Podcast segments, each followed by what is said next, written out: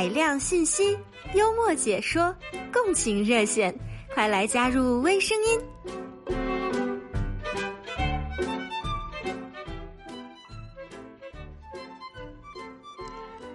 听众朋友，早上好，欢迎收听每周四欢乐的微声音哈。依然除了这个非常有趣的咨询之外呢，今天还会开通我们的欢乐共情热线。今天聊的这个话题呢，跟我们这个还没有过完的年多多少少也有关系。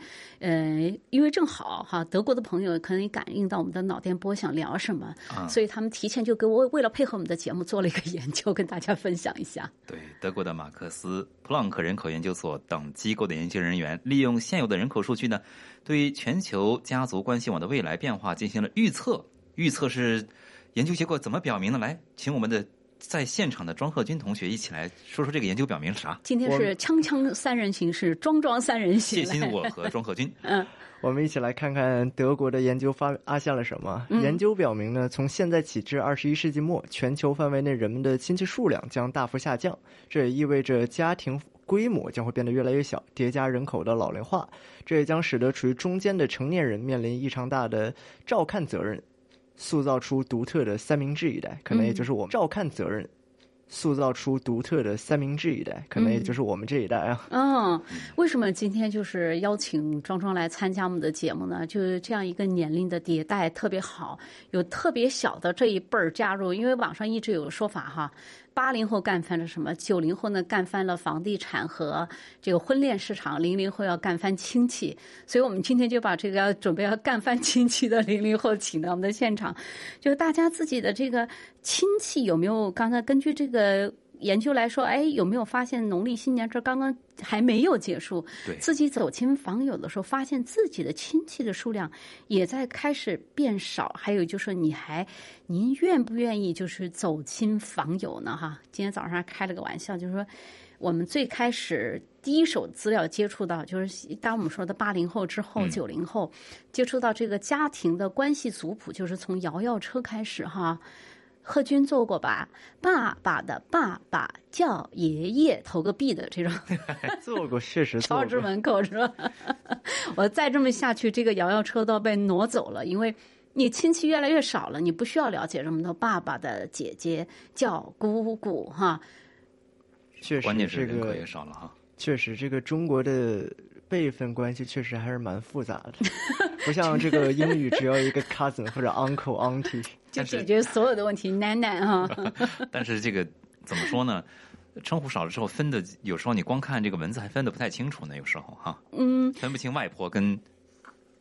这个奶奶是吧？但是她不成分，分不清姐姐跟妹妹的，就说其实也挺好的，就是没有远近亲疏的那种感觉，大家都很 equal，就很都很就是说不是说跟谁哪一个更亲，因为他叫起来的首先称呼上都是一样的。所以我们今天微声音的欢乐共情热线呢，开通的热线电话号码是一三零零七九九三二三一三零零七九九三二三，非常欢迎的听众朋友来拨打分享一下，您有没有发现自己的亲戚现在开始变少了，或者还有就是农历新年的时候。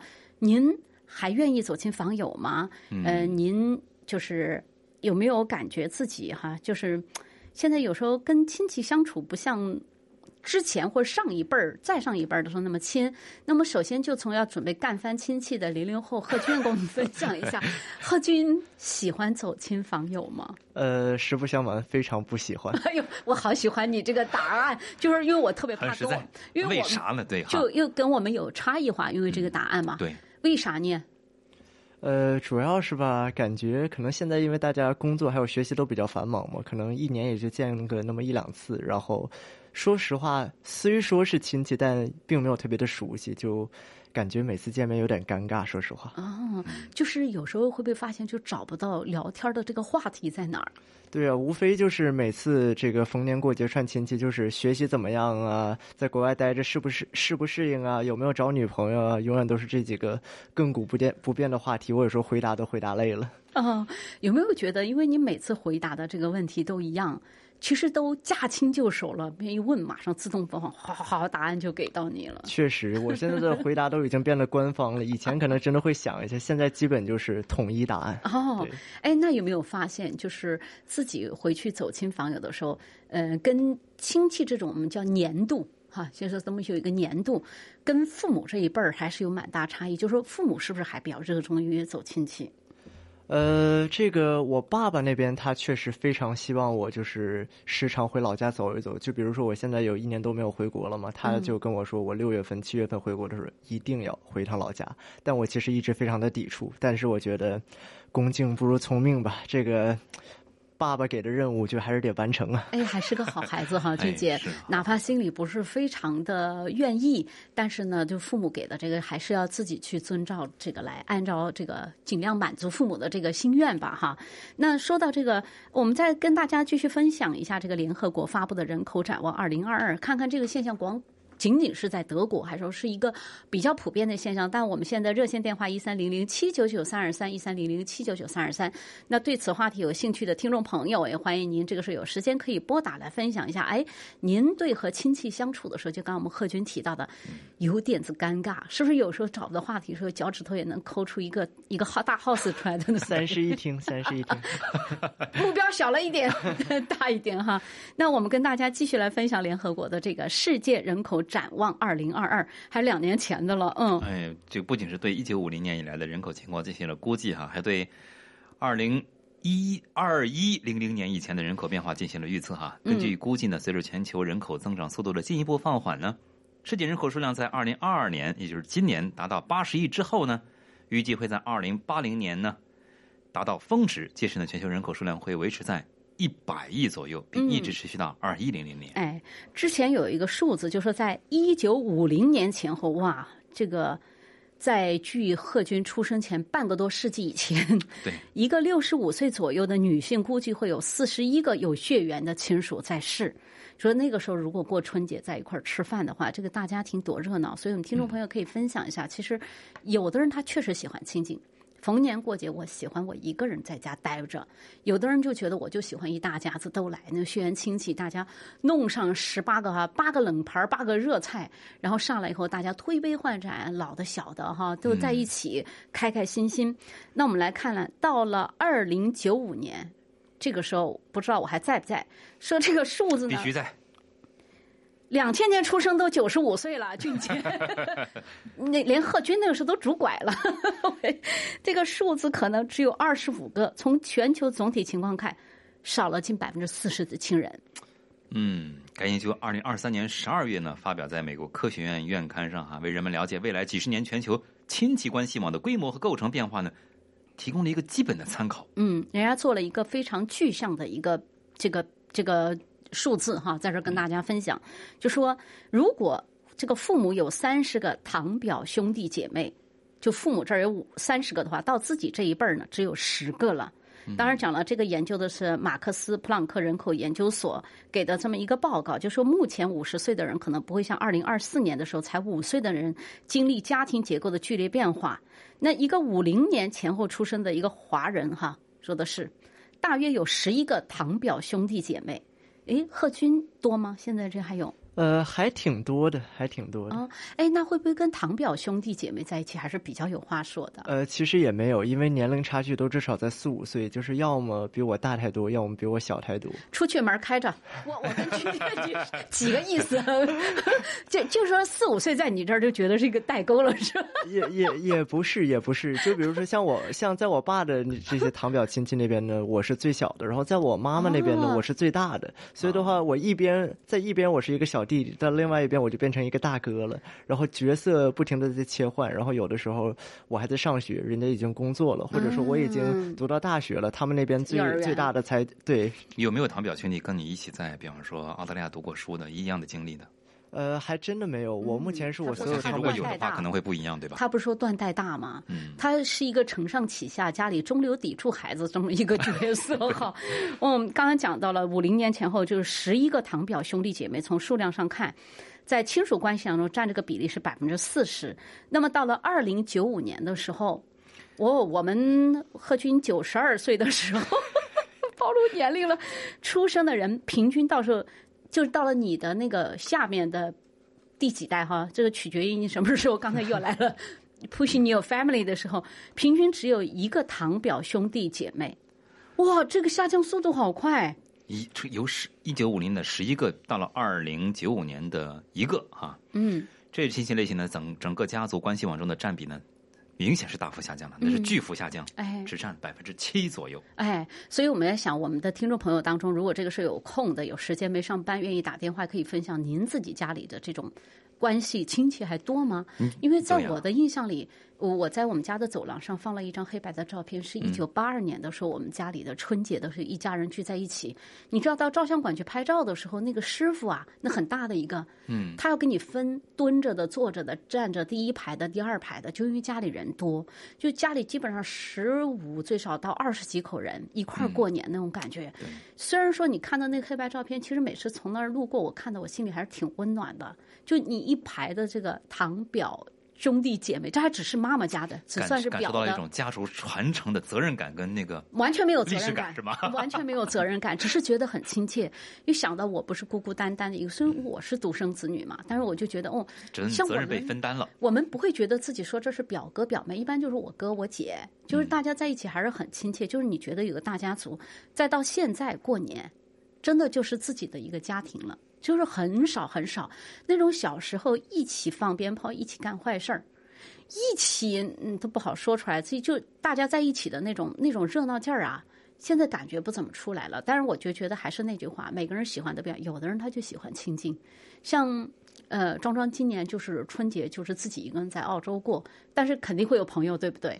对我们当时是十几个朋友在学校的学生宿舍一起有一个聚餐，然后的话就是大家都是同龄人嘛，感觉还是更亲近一点，大家，而且聊的也是更开怀一点。嗯你我你不是近这个农节庆期间嗯，回趟国吗？你有没有走亲访友啊？你是在问庄庄还是问我问？谢欣，呃，反正我觉得我跟我我还想走走亲就是某某一个那个同事的状态差不多，就是基本上进门一顿饭，出门一顿饭。但是说起来开玩笑，我基本上在家照顾我妈妈，因为身体不太好。但是放了早几年的话，肯定也是想走亲访友的呃，吧？不是想，我是基本上不落家的，就是所以有人被被家里人批评了，他说。那我们那儿同事那啥那个也是一样的，就是每每次就进门家吃一顿饭，出门吃一顿饭，基本上就被朋友全叫走了。嗯而且确实你会觉得跟同龄人在一起，他不是说父母不亲哈，你会觉得说话有时候话轻一句重一句，你就是有时候大家的 get 到的那个点是一样的。年龄段不一样，对吧？有没有这种感觉？你说因为在一起交流吗？对，不是，就是说，可能我二十多岁的时候也不想去走亲访友，可能到了五十岁的时候，我到就现在都不喜欢想走亲访友。走亲访友，因为你你知道每个人你喜欢的东西不一样，我觉得大家不强求，这个有点像那个旅游一样的，嗯就是如果大家你想往东，我想往西，还不如自己玩自己的。那有时候你总想找一些志同道合的朋友在一起，就是在一起玩的，你可能会觉得心理负担没那么重，因为嗯，就是年长的，当然我也愿意陪父母哈，就是跟贺军一样，他会问你。当然，人家不是怀恶意啊，就是有时候他习惯了问你，哎呀，这一年挣多少钱呢？孩子学习怎么样啊？然后准备考了什么专业啊？就是你你也没什么不想回答的，但是多了以后，你你觉得大家可以在一起简单一点？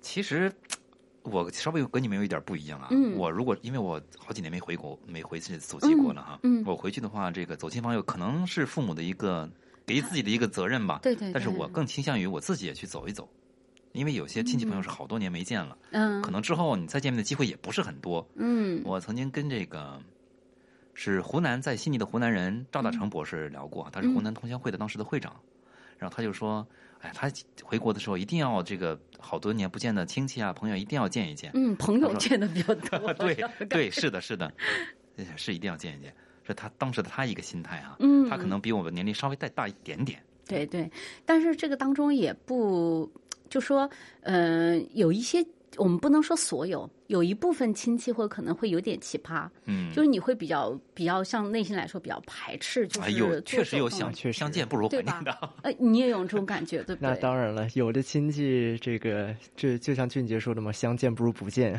嗯，不是相见不如怀念。怀怀念都谈不上，相见不如相忘于江湖。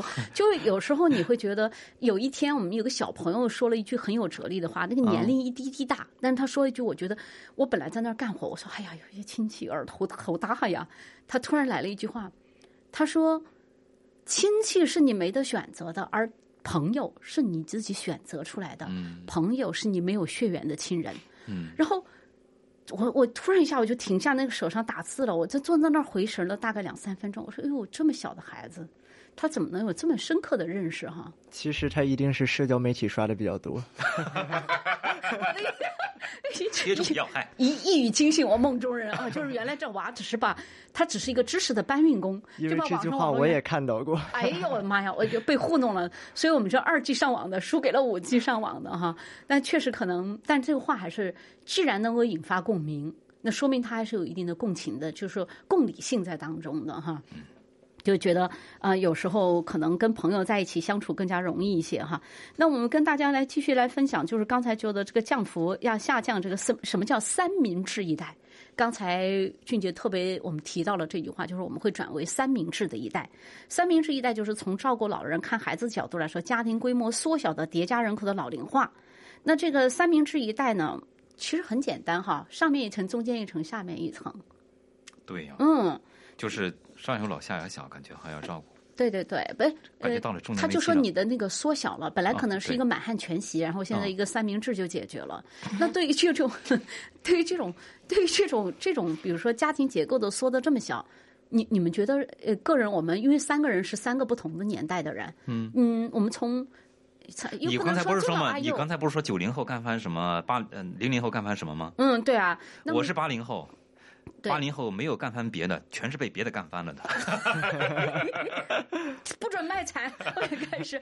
那这个你你会觉得，如果是三明治的一代，你觉得家庭人口越来越少，呃，你觉得你将来嗯怎么看这个问题？你觉得是好事还是我们不能用好事儿坏事这么简单来说？摆好心态，随遇而安吧。哎，我觉得是觉得，嗯，怎么说呢？你像现在的年轻人跟他们交流的时候，很多人说。我才不想要孩子，对吧？哎，我也是啊，我才不想结婚我也是啊，我也是啊。但是我觉得现在做父母的，我的心态也摆正了。比如说，因为我我的孩子跟贺军是一一边大的，嗯他们经常，比如说前两天我妈就说，我爸就是这么一个老，就这这四零后对吧？他说的，嗯，那个孙儿那边上，因为我女儿有个很好的一个朋友，那个孩子特别好，我爸爸很喜欢说。呃，要到我们家来，准备让我教她打麻将的小姑娘，我说来来后，我爸的意思就是说，能不能介绍给我我的儿子？哎，我说你快别说，他那一说他就不高兴了，说的我可不想谈结结婚，我可不想生孩子，结婚也许可能会考虑，但是不想要孩子。但作为我父母辈来说，现在我的心态就是目前啊，只能说目前。结不结婚我根本不 care 哦，不结呃要不要孩子我根本不 care，但我就想他自己过得开心，过得好，这一辈子不要委屈了自己，我觉得就很好。再过再过二十年之后，我再采访谢欣，看他还这么说吗？必须上热线。对对对，再过二十年，嘿，孩子都四十多岁了。对，那时候已经抱上孙子了，没准儿已经那那说不准呢，计划赶不上带着。孙子来参加热线哈。然后贺军呢，你会觉得就是如果三明治的家庭将来自己家庭的结构越来越小，你会不会觉得不够热闹啦？我觉得这个满汉全席变成三明治，少吃一点更苗条嘛。对啊，虽然家庭小了，但只要朋友够多，那是一样的嘛，对吧？就就是那种，其实并不是说你社交的圈子在萎缩，只是说你社交的时候，这种可能跟家人、朋友、亲戚之间，他的这个比重在切换。就是我愿意跟我自己更愿意交往的人在一起，这也是年轻人。我讲，我就特别现在喜欢年轻人，他有些不是说，我就说总有让人我们学习的地方，让我们喜欢的地方，就是他们那种洒脱，他们那种勇敢。就是我我我就是我自己不一样的烟火，我选择我自己要喜欢的这样的生活。嗯确实，就是刚才就在聊到亲戚数量变得越来越少的话题的时候，其实我就想到，这其实跟多数年轻人不想要孩子也是有关系的，而我就是这其中之一。就是不想有那么多的亲戚需要去走动。嗯，确实，对，那可能是越来越怎么说呢？越来越独立了吧？用一个积极面的来说哈，嗯在嗯，社会上就更注重自己。我觉得这是一种，就是说以人为本。我首先关注我自己的精神内核，不需要那很多的精神内耗，然后自己过得开心。就我觉得今天这个话题来说，这个老中青三代在一起哈，也是挺有意思的，因为我们都代表的我们，就我们连自己，我们有有时候连自己都 代表不了，不能代表我们这个年龄群体，就只能代表我们自己分享一下我们的这个感受。那我估计我们很多的听众朋友，他们今天可能在上班啊，有一些的忙，来不及打电话，但是在听其的一实没准更多的是很想八卦一下这个零零后究竟是怎么想的？也许有也许有的想八卦一下亲戚，又不好意思，因为 毕竟这是一个公开的平台。这个啊，有时候你看，有时候一些亲戚的糗事儿也不方便在这个当中来曝光的哈。那倒是。嗯，私下里关了麦可以来说一说。好，那因为时间的关系，我们今天这个聊天跟大家说再见了。我是谢欣，我是刘俊杰，我是庄鹤军。嗯，非常感谢大家收听我们今天特殊的《锵锵三人行》。明天同一时间，我们在电波中不见不散。